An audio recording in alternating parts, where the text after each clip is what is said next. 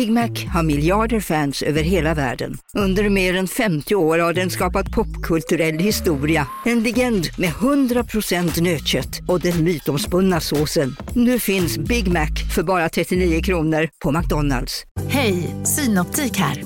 Livet med glasögon ska vara bekymmersfritt. Därför får du 30% på alla glasögon när du väljer Synoptik All Inclusive. All service ingår alltid. Välkommen till Synoptik. Som medlem hos Circle K är livet längs vägen extra bra.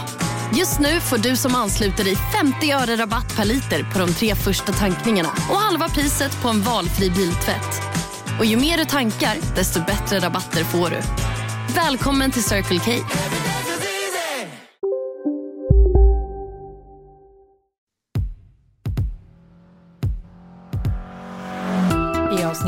118 av Vi Bilägares podcast handlar om vagnskadegaranti. Något som verkar bra, men kostar kanske mer än det smakar. Dessutom knackar vi ut en buckla på Toyota Yaris, lyxar till det i S-klass och pratar karossens historia.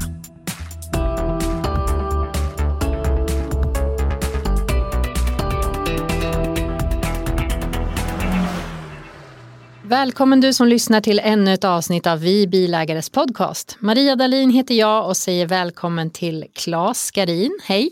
Hej, hej! Vi välkomnar också Kalle Karlqvist till podden. Hej Kalle! Hej, hej!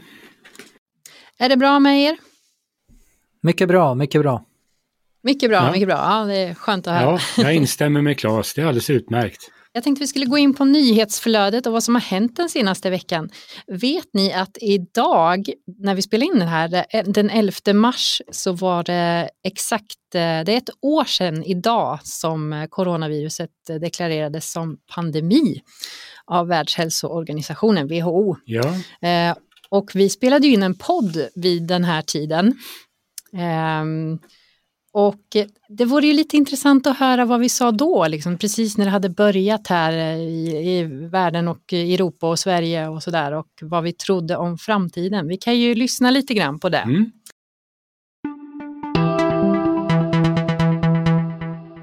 Det är svårt att prata om något annat just nu, men eh, det senaste veckan har det ju dominerat nyhetsflödet, coronaviruset, som har fått rejält fäste i Europa och även i Sverige. Eh, när vi spelar in det här, eh, torsdagen den 12 mars, har över 500 personer i Sverige konstaterats vara smittade.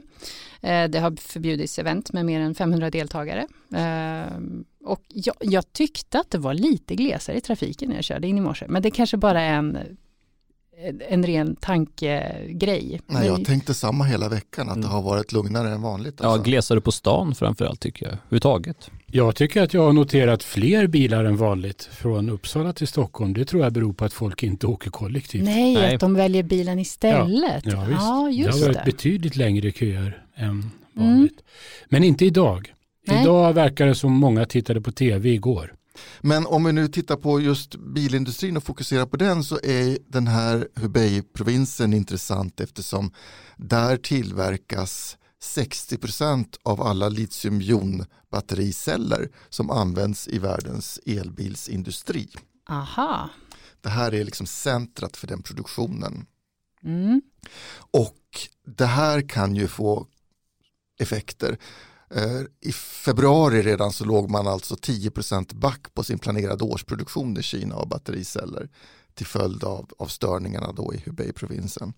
Och även om man har anläggningar på andra ställen också i världen och i Kina så, och som man då har försökt gasa på nu och kompensera det här avtappet så ligger man ju fortfarande back. Och det är ju inte bara industriproduktion. Alltså, jag menar, det är ju, alla mässor har ju ställts in, både Ja. i de stora internationella och eh, i Jönköping i, i påsk så har det ställts in. Och, Sen så påverkas ju vår verksamhet.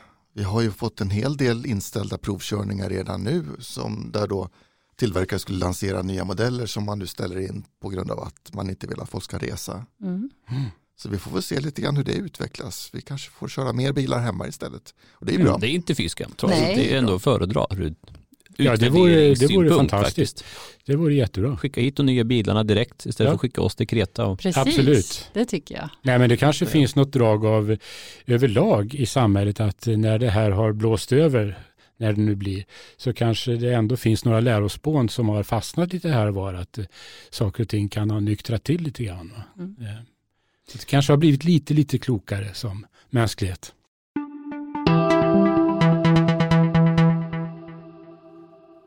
Ja, där satt vi då och eh, tänkte att eh, det kanske skulle vara slut på elbilsbatterier. Nu var det en annan komponent i bilar som det blev lite kritiskt med. Det var ju de här eh, chippen, halvledare, eh, som, eh, som det råder stor brist på just nu som det kan bli svårt. För det, går inte att bygga bilar idag utan ett eh, chip eller två. um, så att eh, ja, vi får väl se hur det utvecklar sig. Men eh, just det där vi sa om eh, att det var färre bilar och att, men Kalle du sa att det ändå var, verkade vara mer bilar så att folk eh, valde bilen istället för att åka kollektivt. Det, det stämmer ju nu också. Ja, det gör det väl. Och, fast sen så har man ju lärt sig också att över dagen så, säga, så skiftar ju trafiken en hel del. Folk har ju, det har inte bara förändrat hur, hur, vi kör bil utan när vi kör bil och när vi gör andra ärenden som är förknippade med bilkörning för många. Till exempel när man ska åka och handla. När är det egentligen smart att åka och handla? Jag fick för mig att det ett tag var väldigt bra att åka och handla sent på kvällen. Men det är det ju inte längre utan nu ska man åka någon gång i sån här icke-tid på dagen. då är det inte så mycket bilar utanför ICA eller Coop. På det sättet är det ju väldigt, alltså någonting som man kanske hoppas eh, att vi tar med som en lärdom, just det här med hemarbete och att alla kanske inte behöver åka in till jobbet beroende på vilket jobb man har givetvis, men att det behöver kanske inte vara att alla åker in varje dag samma tid, utan eh, det går att glesa ut på det sättet. Så att, eh, och just det här att fler tar bilen, det är ju inte fler som tar bilen som pendlar kanske med det ökade hemmajobbet, utan det är ju fler som tar bilen. Bilen har ju blivit väldigt viktig som transportmedel långt när man ska göra längre resor. Jag menar, nu får man ju tågresor och passagerare och bussresor, det är ju, det är ju begränsat och flygresor, det går ju inte att flyga direkt någonstans så, utan eh, bilen har ju blivit väldigt viktig på det sättet. En annan sak som vi sa då för ett år sedan var ju det här med eh, att vi tyckte att det var mer bekvämt att slippa åka på de här långa provkörningarna utomlands, att bilarna kom till oss istället. Hur tycker ni det har blivit med det nu när vi har klarat av ett år här? Hur, hur, hur funkar det egentligen med nya med pressbilar och, och så? Eh, ja, jag kan ju svara för eh, testbilar åtminstone och eh, där har ju några av Eh, importörerna, generalagenterna etc. Eh, de har ju haft stängt tidvis helt enkelt. Och, eh, och så har de haft eh, någon form av extra personal kanske på plats vid olika tillfällen. Men, men, exempelvis Toyota brydde sig ju inte om att, eller eh, det, där fanns det ju inte pressbilar ett tag utan de stängde firman. Eh, på en del andra bilföretag så har ju folk som i vanliga fall jobbat med informationsfrågor och eh, liksom varit eh, våra kontaktpersoner, de har ju fått övergå till annan verksamhet. Eh, och där har det inte funnits bilar att låna ut. Vi kan ju ta exempelvis eh, den allt mer växande koncernen som numera går under namnet Stellantis som innehåller bil, så många bilmärken som man knappt kan hålla ordning på dem längre. Men det är bland annat Peugeot, Citroën och Opel som ju ändå är tre viktiga märken i Sverige. De har inte haft en bil att låna ut på evigheter i stort sett. Därför att de har prioriterat andra områden och det ställer ju till det för oss. Och eh, det är väl en sak att det ställer till det för oss, men det ställer ju till det för läsarna av vår tidning framför allt. För att eh, vårt utbud av testbilar har ju faktiskt smalnat av, testbilsmärken har ju smalnat av under det här året. Det har vi ju märkt. Men eh, nu kan man väl konstatera också om man de här ja, nyhet, de här största nyheterna Eh, man ser ju att de svenska importörerna inte har några muskler att hantera det här själv. Tidigare har man ju samlat oss journalister tillsammans med alla andra europeiska journalister nere i Spanien. Och det är inte bara för att man ska få köra på fina vägar och äta god mat och dricka espresso i solen. Utan eh, det finns ju faktiskt en effektivitet i att samla alla på en plats och man får köra bilen ganska tidigt. Och det är bra tekniker och folk på plats som kan svara på alla frågor. Och sen ibland kan jag i och för sig tycka själv att man kör bilen onödigt tidigt. Men man har ju en nyhet till våra läsare där man presenterar någonting innan den börjar lanseras i Sverige. Och det, så som det har sett ut nu så finns det pressbilar på plats i Sverige i princip samma vecka som de ska ut till handlarna och lanseras till den breda massan och då kan jag väl tycka att det blir lite tajt inpå och bilköparna har inte så stor, ja det blir tajt där att läsa sig in på konkurrenter och bilmodellen och överväga ett vettigt köp. Det har ju varit en väldig fördel också att få köra bilarna när, man, när vi pratar provkörningar, att man kör dem på svensk asfalt och i svenska förhållanden. Det, har, det ger ju en mer sann bild på det sättet. Absolut. Även om det kanske blir lite senare eh, än vad det är tänkt. Ja.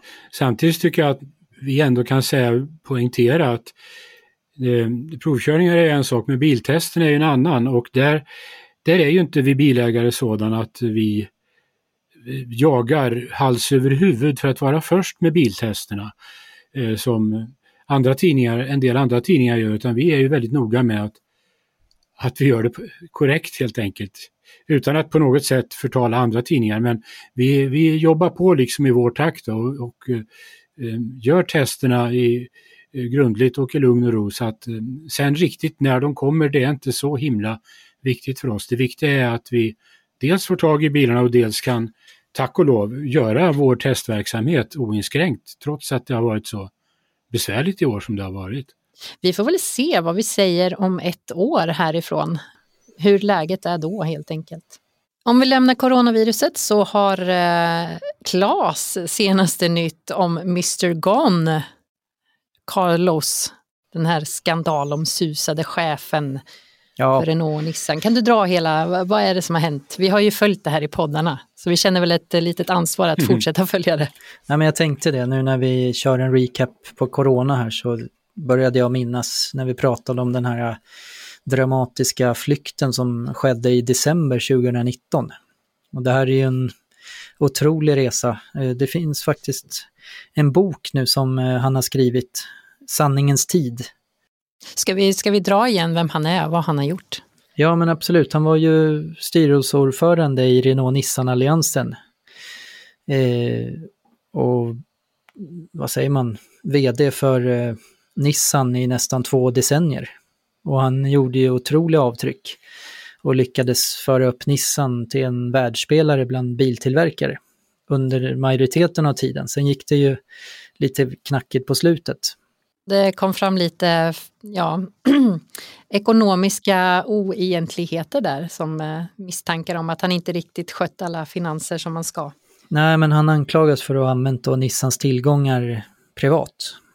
Och eh, vilket han eh, själv förnekar allt, i, all inblandning i. Och det är väl, han, är ganska tydlig med att han är oskyldig och hade ingen kännedom om att de här pengarna användes som de gjorde. Och eh, han riskerade 15 års fängelse och han hade redan suttit i något kallt rum i 130 dagar i häktet i Japan så att han var inte så sugen på att stanna kvar där.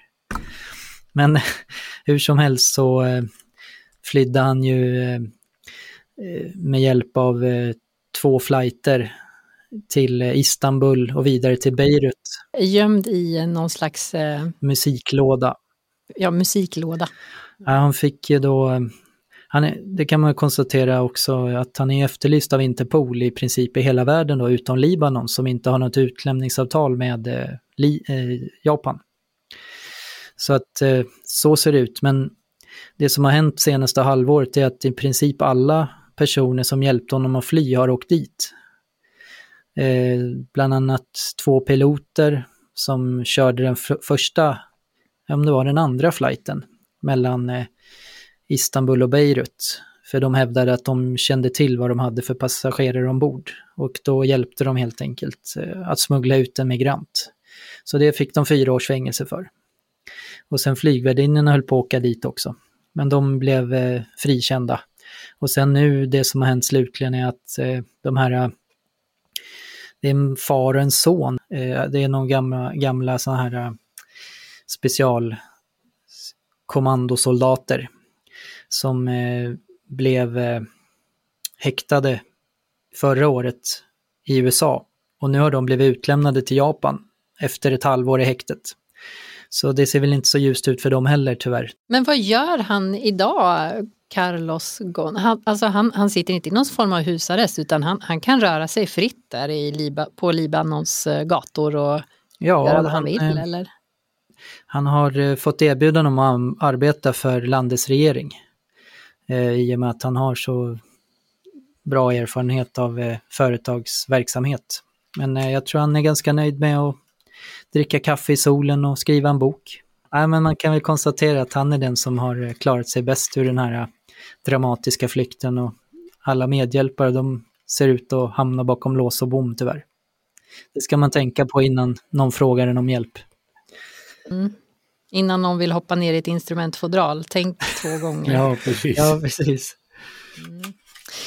Andra nyheter i veckan så presenterade ju Volvo sin eh, andra elbil eh, C40. Eller C40 Recharge ska den väl heta, det är väl det officiella namnet. Eh, vad tycker ni om den?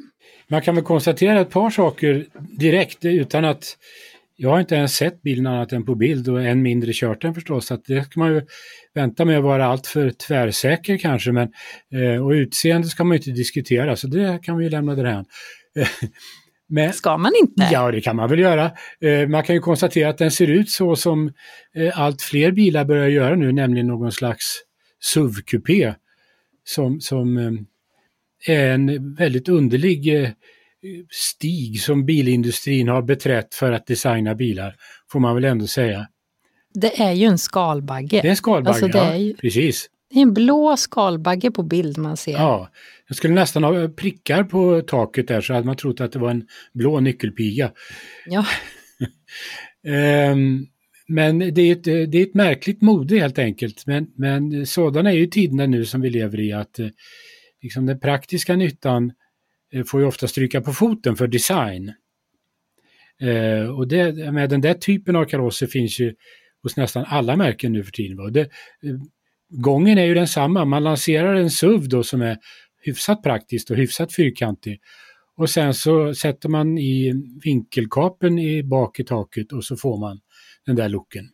Jag eh, satt även i en eh, sån webbinarium med eh, Volvo som lanserade en uppdaterad version av det här Care by Volvo.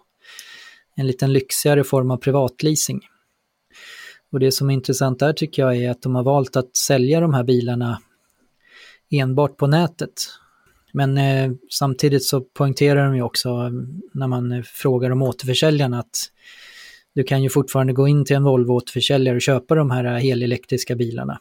Men då kommer du ju få gå fram till en dator misstänker jag, eller om du sätter dig med bilförsäljaren och sen går han in på Volvo Cars och beställer bilen precis som du hade kunnat gjort själv hemifrån.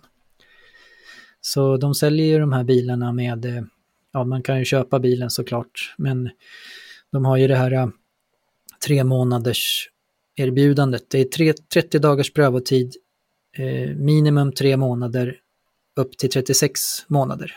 Privatleasing, som de kallar för Care by Volvo. Och du ska, när allt är up and running, få en bil inom två veckor.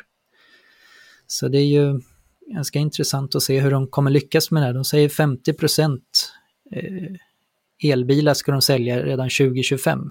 Men jag, det är ju det där med elbilar och helelektriska bilar. Men jag uppfattar det som Mm. att det är helelektriska bilar. Om, de säger, om någon säger electrified eller något sånt där i ett pressmeddelande, då ska man dra öronen åt sig Då lite grann. Det- räknar de även in 12 volts batteriet, har vi förstått.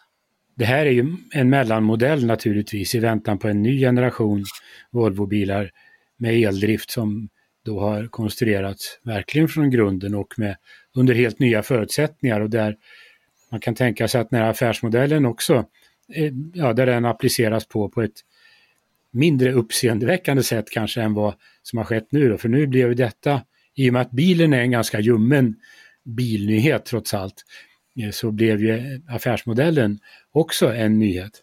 Det som jag tycker var lite Mm, nästan ironiskt, det var ju att jag tror samma dag som Volvon presenterades så presenterades Hyundai Ioniq 5.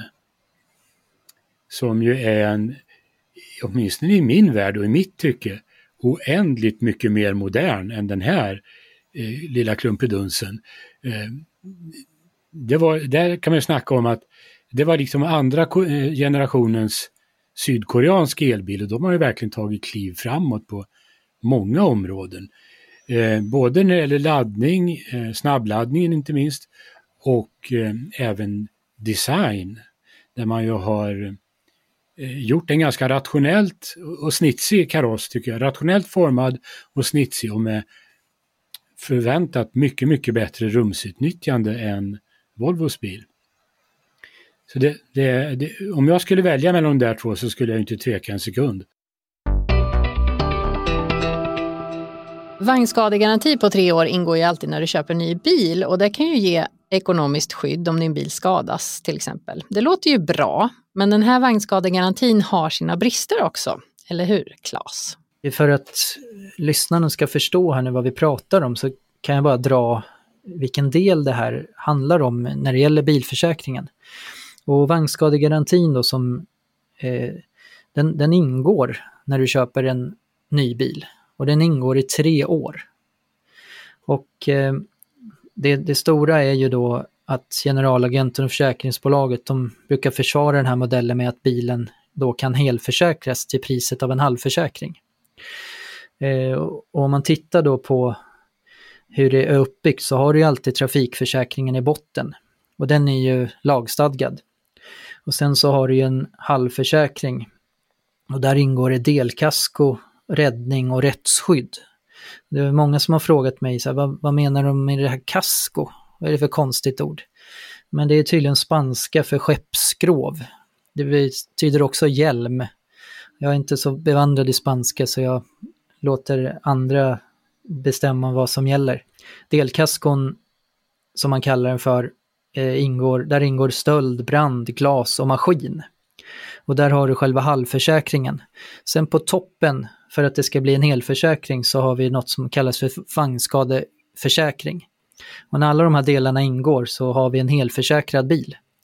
Men under de första tre åren i alla fall, då har biltillverkarna tillsammans med försäkringsbolaget valt att kalla det här för vagnskadegaranti. Och så skickar man med det, eh, gratis då tycker man. Men eh, de som kan branschen är överens om att det här är någonting som biltillverkaren och i det här fallet generalagenten då i Sverige bakar in i, ovanpå nybilspriset. Så själva premien som man i vanliga fall får betala för, för sin försäkring, den är i princip, den har du redan betalat när du köper bilen. Och om det händer någonting med bilen, ja, då har du ju en kraftigt förhöjd självrisk de här första tre åren. Och det är någonting som man kan läsa om i nummer fyra då, där vi har tagit med samtliga priser som gäller för eh, olika bilmodeller. Som skräckexempel eh, kan jag väl bara säga då att Tesla Model X och Model S har en självrisk vid vagnskada då på eh, 16 700 kronor. Så att, och det spelar ingen roll då om du har eh, i princip hur skadan ser ut, utan eh, om inte reparationen är billigare än, ja, i det här fallet då 16 700 kronor så, så börjar man där. Men varför blir eh, självrisken så hög då på den här vagnskadegarantin? Vad är det som, gör, vad är det som driver upp eh, kostnaden då? Ja, men det är ju så att eh, du har ju för försäkringsbolagen och eh, bilimportörerna, de måste ju räkna på en rak skaderisk. För du, du på en vanlig försäkring eh, efter tre år då, då, får, då, räknar du in till exempel ålder på bilföraren. Du, beräk, du räknar in vart man bor någonstans och du beräknar in ja, risken för att den här bilägaren ska kunna hamna i en skada med bilen. Men eh, så gör man inte när det gäller vagnskadegarantin utan... Det dras eh, alla över en kam liksom? Ja, det finns, eh, det är liksom en rak prismodell. Så det kan ju i och för sig tala för att är du en nybliven bilägare med en ganska motorstark bil så skulle du förmodligen få en skyhög premie om inte vagnskadegarantin fanns. Men det är väl i princip den enda gruppen jag ser som tjänar på det här systemet. Den här vagnskadegarantin är, är helt unik för Sverige. Det finns alltså inget annat europeiskt land där bilägaren accepterar att du går till bilhandlaren och du köper en helt ny bil och sen får du inte välja vilket försäkringsbolag du, du anlitar. Det skulle ju kännas ganska konstigt att köpa en, ett hus eller en båt och sen får du inte välja val, du får inte välja försäkringsbolag.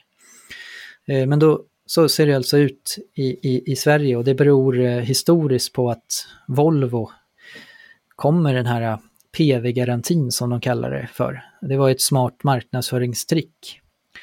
Eh, och, och, och, eh, sen har eh, marknaden valt att anamma det här systemet då. Och ja, de som är dominant i Sverige idag det är ju då If som har i princip eh, 80-90% av marknaden på alla ja, försäkringar kopplat till vagnskadegarantin. Är värt att tillägga också att eh, de stora försäkringsbolagen erbjuder ofta en självriskrabatt.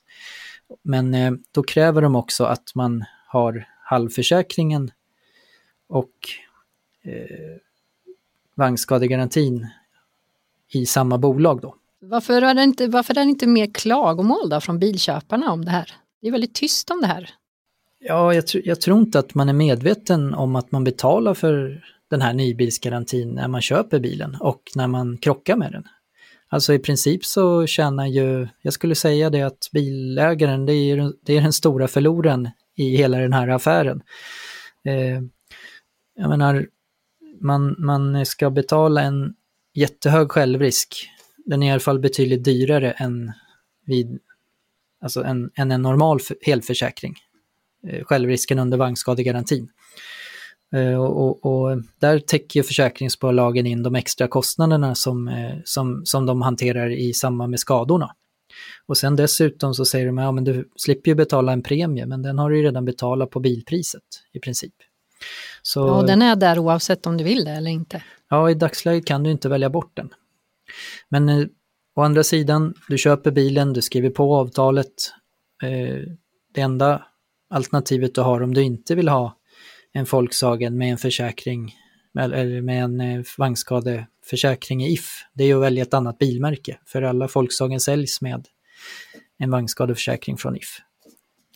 Men man kan ju också nämna eh, vad det är som, eh, som, som är försvaret. Man, jag har ju frågat eh, importörerna varför inte bilägaren får välja försäkringsbolag själv. Och en stor, stor eh, anledning är ju för att de ska ha möjlighet att få reparera fordonet enligt rätt metoder. Då. Och då så menar de ju att med det här systemet så kan de koppla sina nya bilar, treåriga bilar, till sina auktoriserade skadeverkstäder. Men kan det vara en förklaring till varför det heter vagnskadegaranti och inte försäkring? Att, eh, att eh, de har lättare då, eh, bil, biltillverkarna, att, eh, att styra och kontrollera vilken verkstad som väljs och, och sådär?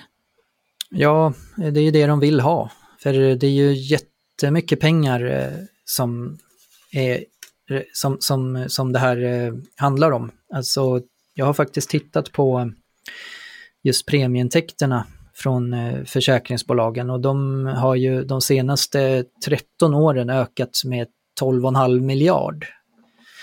Och eh, utbetalda ersättningar vid skador har ökat med ungefär ja, 6 miljarder. Så det är inget snack om att försäkringsbolagen tjänar pengar på oss bilägare. Men jag tror trots allt att majoriteten tycker att det är en bra lösning. Eh, och man har ju inget, inget alternativ idag. Däremot kan man ju tycka, jag intervjuade slutligen eh, branschorganisationen eh, organisationen eh, SFVF, Sveriges Fordonsverkstäders Förening. Och de hävdar ju att prisbilden skulle se helt annorlunda ut om man hade konkurrensutsatt den här eh, ja, affären, får vi väl kalla den för. Och eh, även Konkurrensverket ser ju att det sker en negativ inlåsningseffekt för bilägaren. Nu idag är det i princip ett monopol då som biltillverkarna har tillsammans med försäkringsbolagen. Ja, hade jag ägt en Tesla Model S eller Model X och behövt betala en självrisk på 16 000 kronor så hade jag kanske velat betala lägre. Och hela den här äh, kartläggningen finns ju såklart i vid bilägare nummer fyra och på webben för er som vill läsa mer om det här med vagnskadegaranti.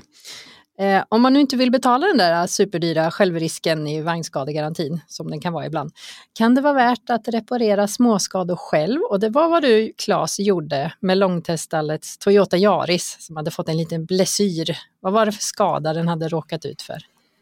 Ja, det var ett eh, trädgårdsbord som eh, drogs med i stormen här i höstas och hamnade över framskärmen, precis över hjulhusväcket. och det, lämpligt nog så höll jag ju på med den här äh, genomgången när det här skedde. Och där kan vi ju ta ett mer konkret exempel. Äh, då åkte jag till Toyota i Rissne och lät skadebesiktiga bilen. Och då i och med att vi är juridisk person då och den ägs av ett företag, så då är självrisken 10 000 10 500 kronor. För då äh, liksom de räknar med försäkringsbolagen att eh, företag kan dra av momsen då.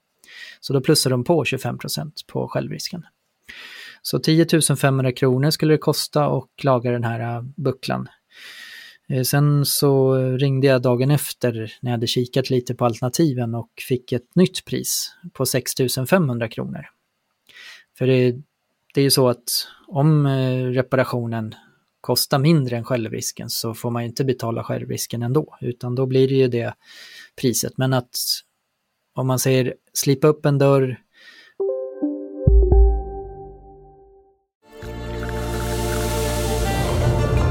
Välkommen till Maccafé på utvalda McDonalds restauranger med Baristakaffe till rimligt pris. Vad sägs om en latte eller cappuccino för bara 35 kronor? Alltid gjorda av våra utbildade baristor. Hej, Synoptik här. Hos oss får du hjälp med att ta hand om din ögonhälsa. Med vår synundersökning kan vi upptäcka både synförändringar och tecken på vanliga ögonsjukdomar. Boka tid på synoptik.se. Idag är det min tur att bjuda på lunch. Nice! Och det är onsdag så det blir på Ikea. Du får välja vad du vill. Oh, taget! Kom så drar vi! Onsdagar är happy days på IKEA. Fram till 31 maj äter du som är eller blir IKEA Family-medlem alla varmrätter till halva priset. Vi ses i restaurangen på IKEA. Eh, och eh, riktaren, den ska in i lackboxen, det ska, vad heter det, täckas in och den ska in i hela systemet i, eh, på skadeverkstan. Det är ju väldigt dyrbart så det är ju sällan man kommer under självrisken på 8 till 10 000 kronor. Men i vissa fall så händer det väl. Men eh, då fick jag ett nytt pris i alla fall för att laga skadan på 6 500 kronor. Men då gjorde vi så att vi vände oss istället till eh, en sån här eh, buckeldoktor, brukar man säga. Och det finns sådana här eh, duktiga människor som ofta snurrar runt på eh, olika bilhallar och hyrbilsverksamheter och riktar bucklor utan att lacka om skadan då. Eller... Att man riktar bucklor, är det då att man eh, neutraliserar dem eller att man bucklar ut dem igen? Eller vad är det för term? Ja, men de, de har en uppsjö olika tänger och verktyg som oftast gör att de kan komma in i dörr, dörrar och trycka ut bucklan. Och det ska man väl förtydliga också att det här handlar ju om att rikta bucklor. Så fort du har en skada i lackskiktet så kräver det ju en omlackering. Men eh, i och med att det var ett mjukt träbord som föll på våran jaris så var det en utmärkt buckla att trycka ut och eh, efter en förmiddag så hade den här eh, plåtriktaren, han hette Alexander, han hade fått ut den här bucklan på jarisen. och eh, det såg man kunde inte se, se tecken på att någonting hade hänt där. Det, var, det är fantastiskt, det är en väldigt tacksam, eh, tacksamt arbete när det blir sån häftigt resultat.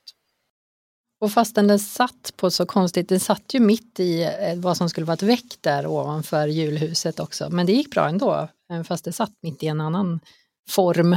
Ja, och det är väl det som är slutsatsen, eh, tycker jag, att man, man, som bilägare bör man jämföra de här alternativen som finns då. Eh, särskilt när man har en, eh, en, en treårig bil med vagnskadegaranti.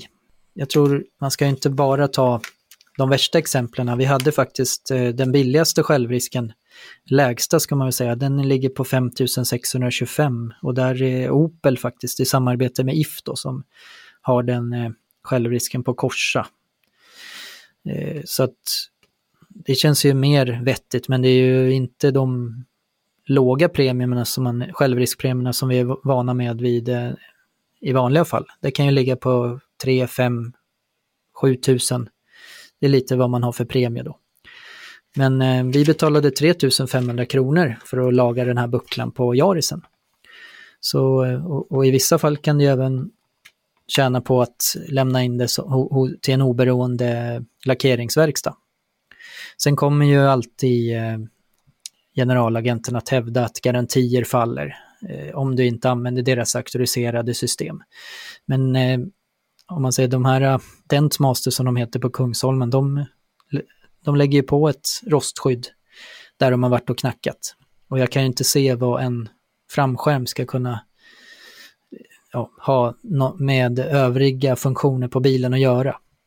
Så det är ju ganska tydligt att äh, ja, man, man vill låsa in kunden till den auktoriserade märkesverkstaden för att tjäna pengar. Och kan vi tjäna några tusenlappar på att göra det själv så varför inte?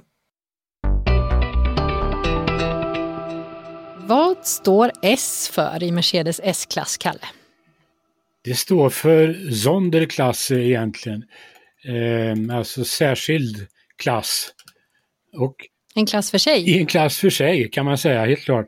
Och, ehm, får man svära i kyrkan så är ju faktiskt det ett gammalt begrepp från DKV eh, i tyska bilindustrin. De hade modeller som hette Sonderklasse också. Och S-klass på Mercedes, det har man ju inte sagt lika länge som det har tillverkats eh, stora Mercedes-modeller av den där typen, utan det kom i början på 70-talet när det kom en generation av S-klass som kallas för W116 av nördarna, och sådana som jag alltså. Eh, och eh, det var då man började säga S-klass också, så det är lite grann en efterhandskonstruktion egentligen. Om man med dem menar alla stora Mercedes-modeller. För att de stora som numera går under S-klass, de började tillverkas redan i början på 50-talet. Men betyder det att den ska vara liksom extra, extra allt, extra ja, bra. Den behöver inte, liksom. Särskilja sig på Den något behöver vis. inte vara extra allt, men den ska vara bättre än allt annat, åtminstone i Tyskland. Det är liksom dess traditionella roll på den tyska bilmarknaden och i hur bilar ska uppfattas av tysken i allmänhet och inte sällan också av svensken i allmänhet och många andra. För att det är en bil som aspirerar på att eh, på titeln världens bästa bil. Och då måste det vara någonting märkvärdigt med den. Kalle, lyssnar du mycket på Petter, den här rapparen? Det kan jag inte. det kan jag inte säga att jag har gjort. Jag har nog aldrig lyssnat på Petter. Nej, jag kan tipsa dig om du gillar S-klass så finns det en låt som heter Rulla med oss. Okej. Okay. Och då sjunger han hoppar in i en S-klass, flyger SAS, business class till Tyskland, skriker vass, vass, vass. Okej. Okay. Eh, Ja, det är en riktig S-klass-dänga. Eh, Okej, okay, ja, det är spännande. Ja, jag, ska, jag, ska, jag ska göra ett allvarligt försök att ta till mig detta. Ja. Jag kan inte lova att resten av låten är någon höjdare, men där, där fick S-klass sin beskärda del. Ja, trevligt. Ja, men säger man, Kalle, säger man egentligen Mercedes eller säger man Mercedes-Benz? Jag säger alltid Mercedes-Benz och skriver alltid Mercedes-Benz. Det finns ja.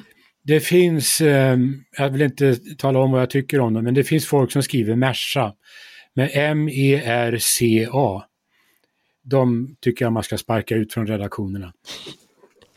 Är det under bilens värdighet? Ja, men det är inte, det är inte alltså Mercedes-Benz det är ett egennamn. Det är ju som att kalla Malmö för Göteborg. Det, det går ju inte va? Ja, det, Nej, det går inte. Nu har du provkört, eh, vilken generation är det? Det senaste? Ja. Vilket nummer i ordningen? Ja, det kan jag nästan inte hålla reda på. Men eh, vad ska vi tänka att det är? Eh, jag, kan, jag kan fusktitta lite grann. Kan jag göra det? Får jag göra det? En, två, tre, fyra, fem, sex, sju, åtta, nio, tio, tolv. Tolv.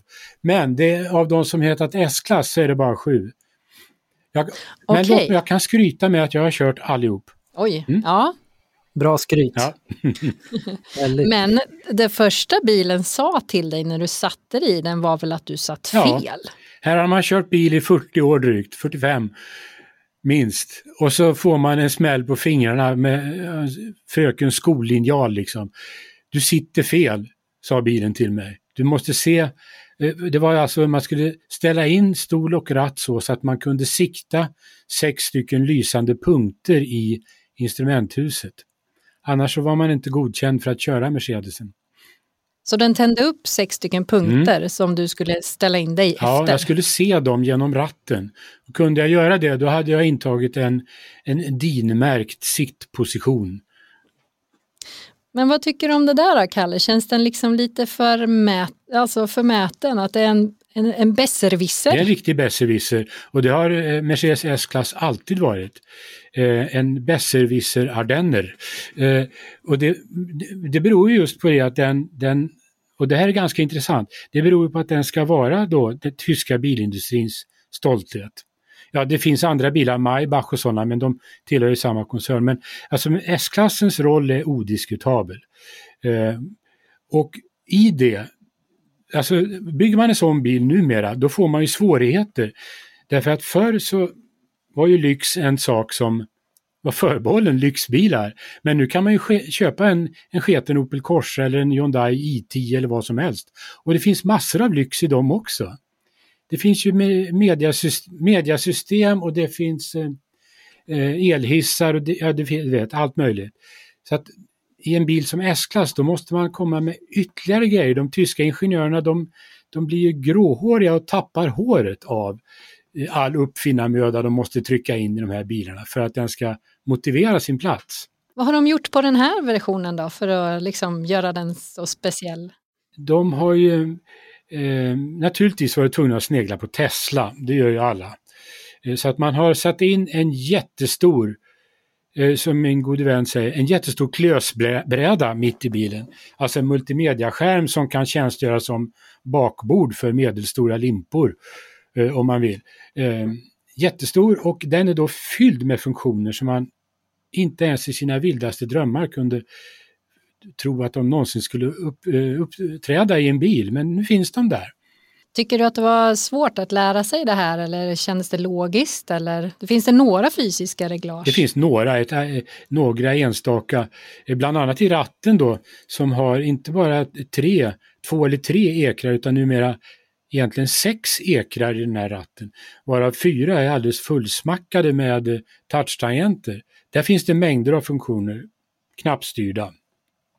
Och så finns det en, en liten rad nedanför den stora medieskärmen också. Så att, nej men jag tyckte att de har lyckats ganska väl med att eh, få till ett gränssnitt som till och med en sån gammal stofil som jag kan gilla. Eh, bättre än många, många andra som har eh, liksom, eh, ambitiösa system men där man ändå inte eh, har kommit ända fram. Och framförallt så tycker jag att grafiken är oerhört mycket mer tilltalande än nu blir väl Tesla-ägarna förbannade på mig, men jag skrev streckgubbarna i Tesla. Jag tycker Teslas grafik är mer än lovligt tafflig för bilens pris.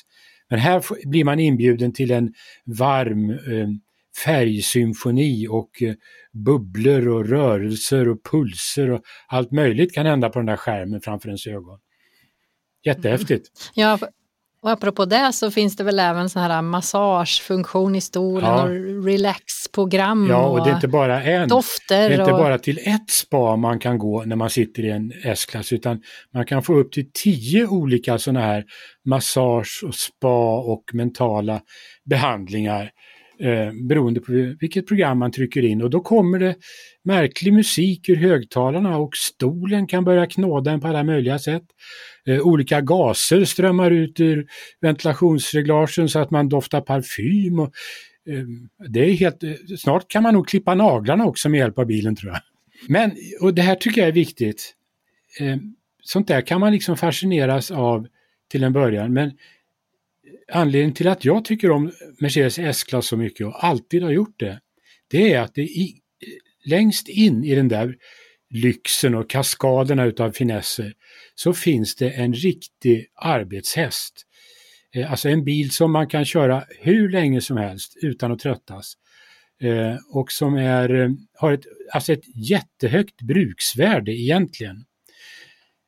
när man tittar på de här generationerna som har funnits så kom det, en som jag är speciellt förtjust i kom 1979. Hade jag haft pengar då, då skulle jag ha köpt en sån ny då. Och jag är helt säker på att jag skulle kunna använda den fortfarande med stor behållning. För så välgjord och så hög komfort hade den och har fortfarande. Då, då för tiden, då var verkligen S-klass en bil som reste sig högt, högt över de andra. Nu är så många andra bilar så väldigt bra så att det är, det är väldigt svårt att säga att, att det är världens bästa bil längre. Därför att det finns så många andra som har i stort sett samma omfång av finesser och grejer och sånt där. Men fortfarande så tycker jag att det är åkomforten som är grejen. Jag, kan, jag skulle kunna köpa en sån där med utan multimediaskärm och med tygklädsel som ser ut som en gammal potatissäck eh, och vad det nu är. Bara den hade den där åkomforten som bilen fortfarande har. För det är det som är grejen med Merca S-klass i min värld. Ja, den är väl tyst och tyst. Ja, alla de här grejerna man kan förvänta ja, sig. och eh, hjulen är rundare. Eh, när det gäller motoralternativ då? Vad var det för eh, motor i den du körde?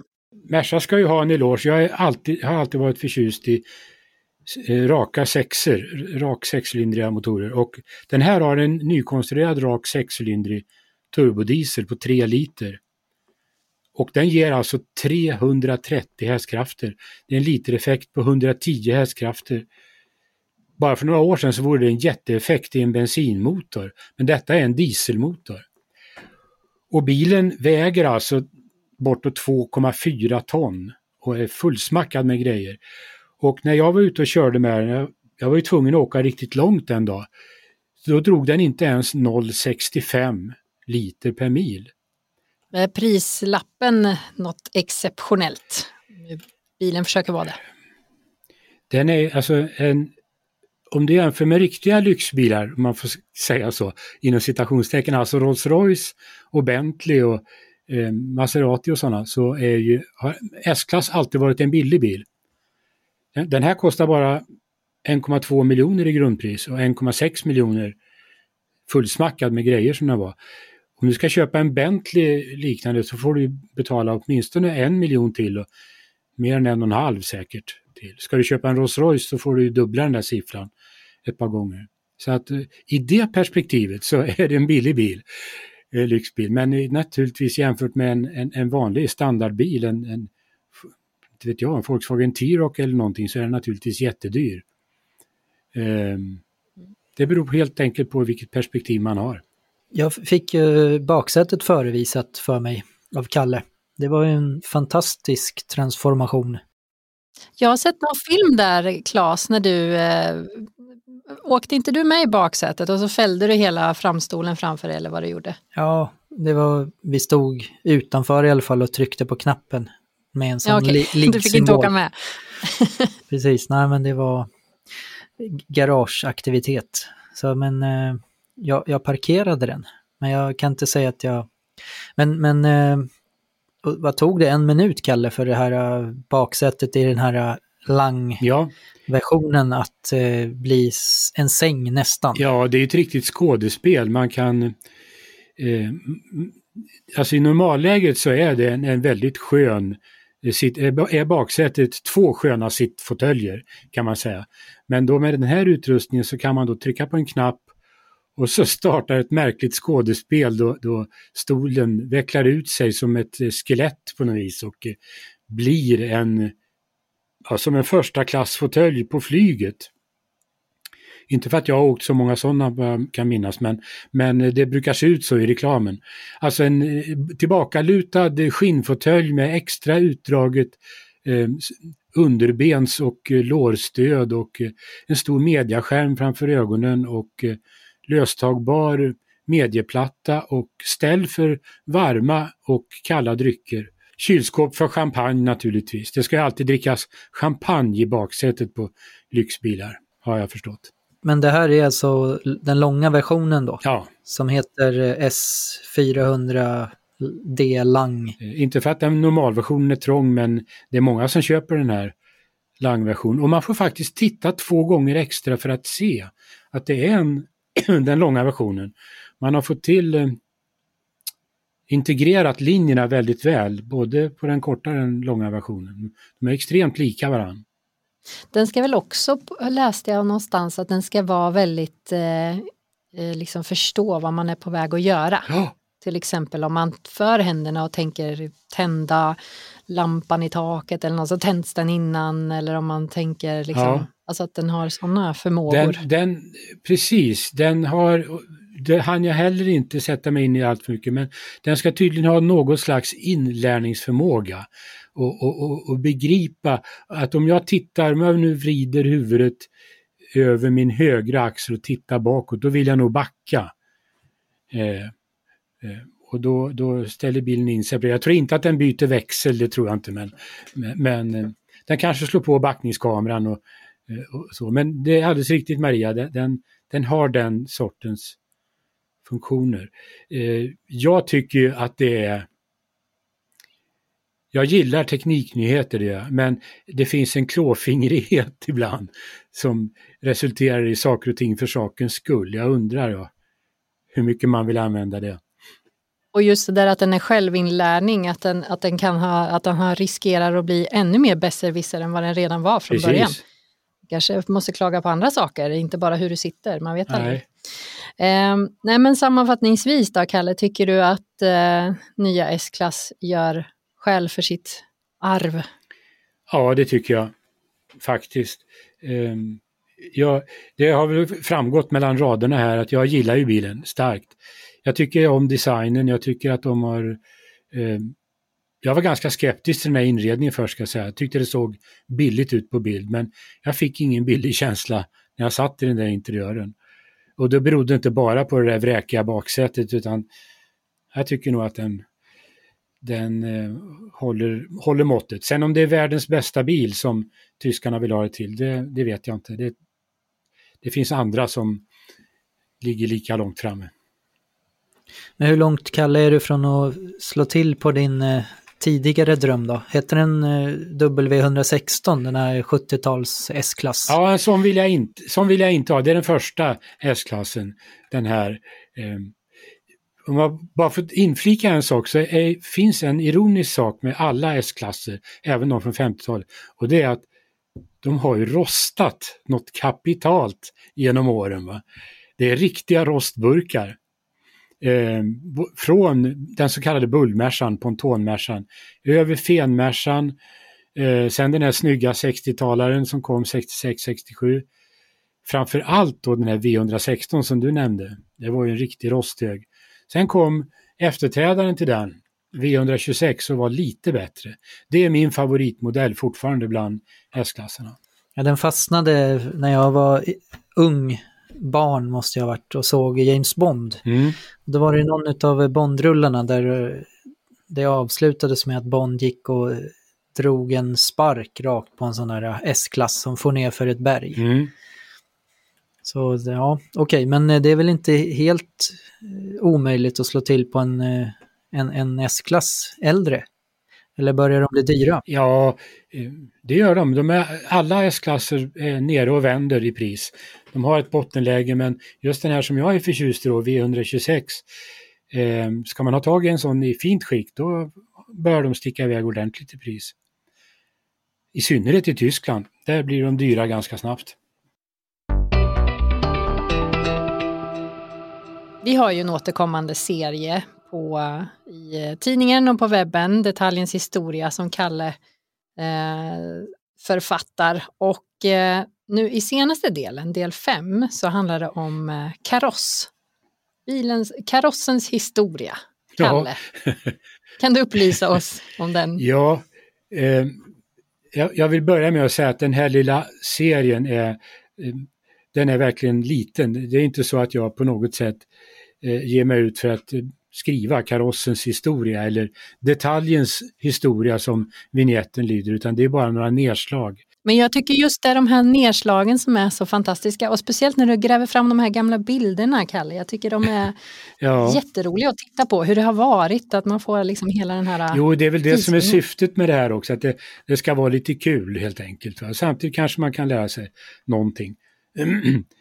Ehm, nej men karossen är ju, bilar har kaross som bekant. Det hade ju inte de första så noga, de såg ju mest ut som hästvagnarna hade gjort strax eh, före, decennierna före. Då, eh, man tog bort hästen helt enkelt och satte dit en motor och sen fick det se ut som det gjorde.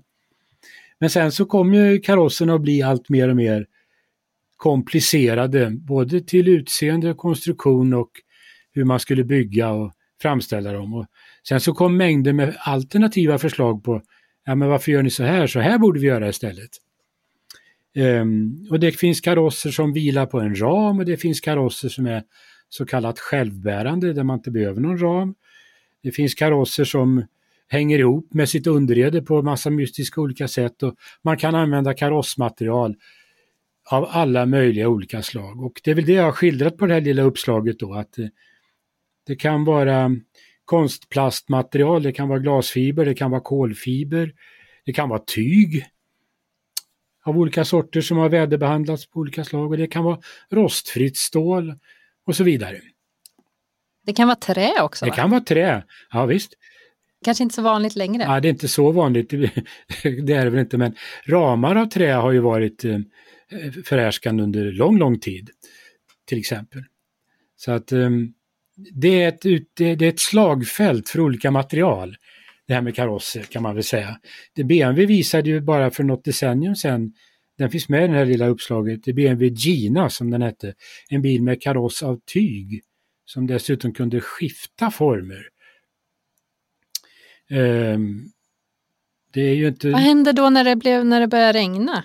Ja, det kan man fråga sig, men så långt behöver man inte alltid tänka när man håller på att experimentera, utan man kan, man kan leka också.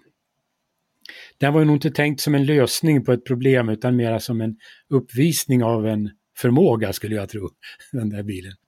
Eh, och det som jag tyckte var intressant kanske i det här sammanhanget är att en bekant till mig som är ja, man får kalla honom för bilhistoriker. Han är egentligen gammal talskrivare åt kända socialdemokratiska politiker här i Sverige.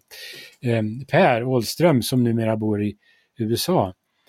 Eh, han skrev på en sida som jag följer ganska noga en ytterst intressant artikel om en ganska okänd bilmodell som faktiskt revolutionerade karossbygget. Och det har inte ett smack med T-Ford att göra utan en, en för oss ganska anonym Dodge-modell som såldes för billig peng. Men det var alltså den första bilen med eh, kaross som bestod av maskinellt färdigpressade plåtar. Eh, där, där de framställdes industriellt med ganska lite handpåläggning och framförallt fogades samman i varann. De vilade inte på någon träram eller, eller så, utan de, plåt, det var plåt mot plåt. Och det blev ju en revolution för bilindustrin. Um, helt enkelt. Och den eh, ja, kunde jag lyfta fram i den här artikeln. Det tycker jag kändes lite roligt Och, släppa fram en sån där sak ur gömmorna. Tack vare Per Åhlström ska jag säga. Det var inte, det var inte min förtjänst. Men om vi tittar framåt då, vad tror ni kommer bli, ja men som nu på senare tid, jag tycker det står kolfiber hit och kolfiber dit och eh, de gör allt för att det ska vara lätt material och det ska vara samtidigt starkt och allt möjligt. Men vad tror ni att bilar kommer bestå av i framtiden? Ja du, eh, det är ju framförallt invändigt som man ser en del skillnader nu. Jag såg att Volvo skröt om det här med vegansk eh, bilklädsel. Mm. Där ser man ju en hel del tyg och sånt där. Men det känns ju som att eh, plåt kommer vara rådande ett bra tag framöver. Man jag kan inte se något vettigt alternativ, även om trä, där bygger man ju höghus i trä nu för tiden. Skulle det vara någonting så skulle jag nog rösta för trä trots allt. Ja just det, trä har kommit tillbaks där. Det kanske kan göra en comeback i bilvärlden också, eller vad tror du Kalle? Det tror inte jag, men, men eh, vi får, den som lever får se. Eh, det är ju så att eh, alltså en bilkaross ska ju... för det första så finns det ju mängder av olika sorters plåt, stålplåter och de är behandlade på olika sätt. Det finns aluminiumplåtar och det finns kolfiberstycken etc. Alltså karossen ska ju leva upp till så otroligt många regler och krav, inte minst på krocksäkerhet. Ehm, det, det, det, vi amatörer, vi kan ju bara ana eh, ytterkanten av vad konstruktörerna håller på med i det avseendet. Va? De sitter ju på jättemycket kunskap och jag tror ju inte att trä eh, kan, men jag, jag, den som lever får se. Det är ju det... Krock, krockzoner och allt möjligt och trä, det blir väl bara fliser. Ja, det kanske inte går så bra där. Men någonting jag tänkte på när vi pratade om den här BMW Gina, ja, ja, Gina, ja. att den är gjord av tyg. Alltså, jag, jag har för mig att jag läst att de forskar ju väldigt mycket på just hur eh, Eh, spindeltråd och sådär, mm. hur de, silke och hur de väver eh, spindlar och larver och sådär, hur de väver sin tråd och Absolut. att den ska vara väldigt hållfast och super, super stark om man mm. lyckas göra det, eh, framställa det i ett labb. Liksom. Mm. Det kan ju bli någonting kanske för framtidens bilar, vem vet, det kanske blir något slags tygaktigt fast ändå ja, jättestarkt. det kanske det blir. Och sen finns det ju bilar, det finns ju ett svenskt bilföretag inte minst som i alla fall svenskt för, företag, jag vet inte hur mycket bilar de gör ännu, men där karossen är täckt av solpaneler. Ja, och vissa elbilar som de, jag tror jag läste någonstans att de forskar om hur, hur man kan eh, stoppa in eh, batteriet i karossen Absolut, på en elbil, ja. så att man bygger in Visst. cellerna. Ja, det kommer nog. Det man ser framförallt i, i, hos de stora biltillverkarna det är att man går från eh, stål till aluminium. Men den resan har ju inte alla hoppat på. Det krävs ju ganska stora resurser på eftermarknaden. Eh, det är ju väldigt mycket mer avancerat att laga aluminiumkarosser än det är att laga plåt när det gäller renlighet och sånt här. Så det är väl det första steget som ska tas för vissa i så fall. Som sagt, det är mycket att leva upp till som du säger, Kalle. Det ska klara mycket. Mm. Och det får avsluta podden för idag. Tack för att du lyssnat och vill du så kommer ett nytt avsnitt om en vecka. Tills dess, kör försiktigt och ta hand om varandra i trafiken. Hej då! Hej då! Hej då! Du har hört Vi Bilägares podcast. Om du inte redan prenumererar på podden så gör gärna det, så missar du inte något avsnitt. De senaste nyheterna hittar du på vår hemsida, vibilagare.se. Just nu har vi ett extra förmånligt kampanjerbjudande för att läsa alla artiklar och hela tidningen online. Endast 19 kronor i månaden de första tre månaderna. Läs mer på vibilagare.se premium.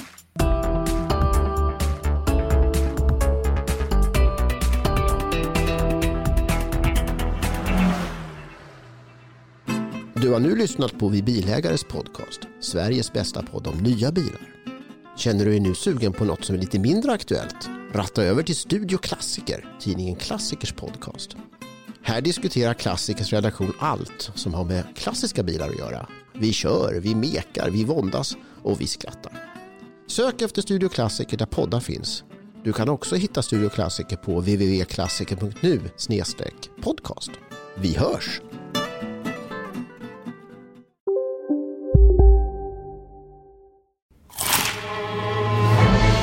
Upptäck det vackra ljudet av McCrispy Company för endast 89 kronor. En riktigt krispig upplevelse. För ett ännu godare McDonalds. En nyhet. Nu kan du teckna livförsäkring hos Trygg-Hansa. Den ger dina nära ersättning som kan användas på det sätt som hjälper bäst. En försäkring för dig och till de som älskar dig. Läs mer och teckna på trygghansa.se. Trygg Hansa. Trygghet för livet. Okej, hörni, gänget. Vad är vårt motto? Allt är inte som du tror. Nej, allt är inte alltid som du tror. Nu täcker vårt nät 99,3 procent av Sveriges befolkning baserat på röstteckning och folkbokföringsadress. Ta reda på mer på 3.se eller i din 3-butik.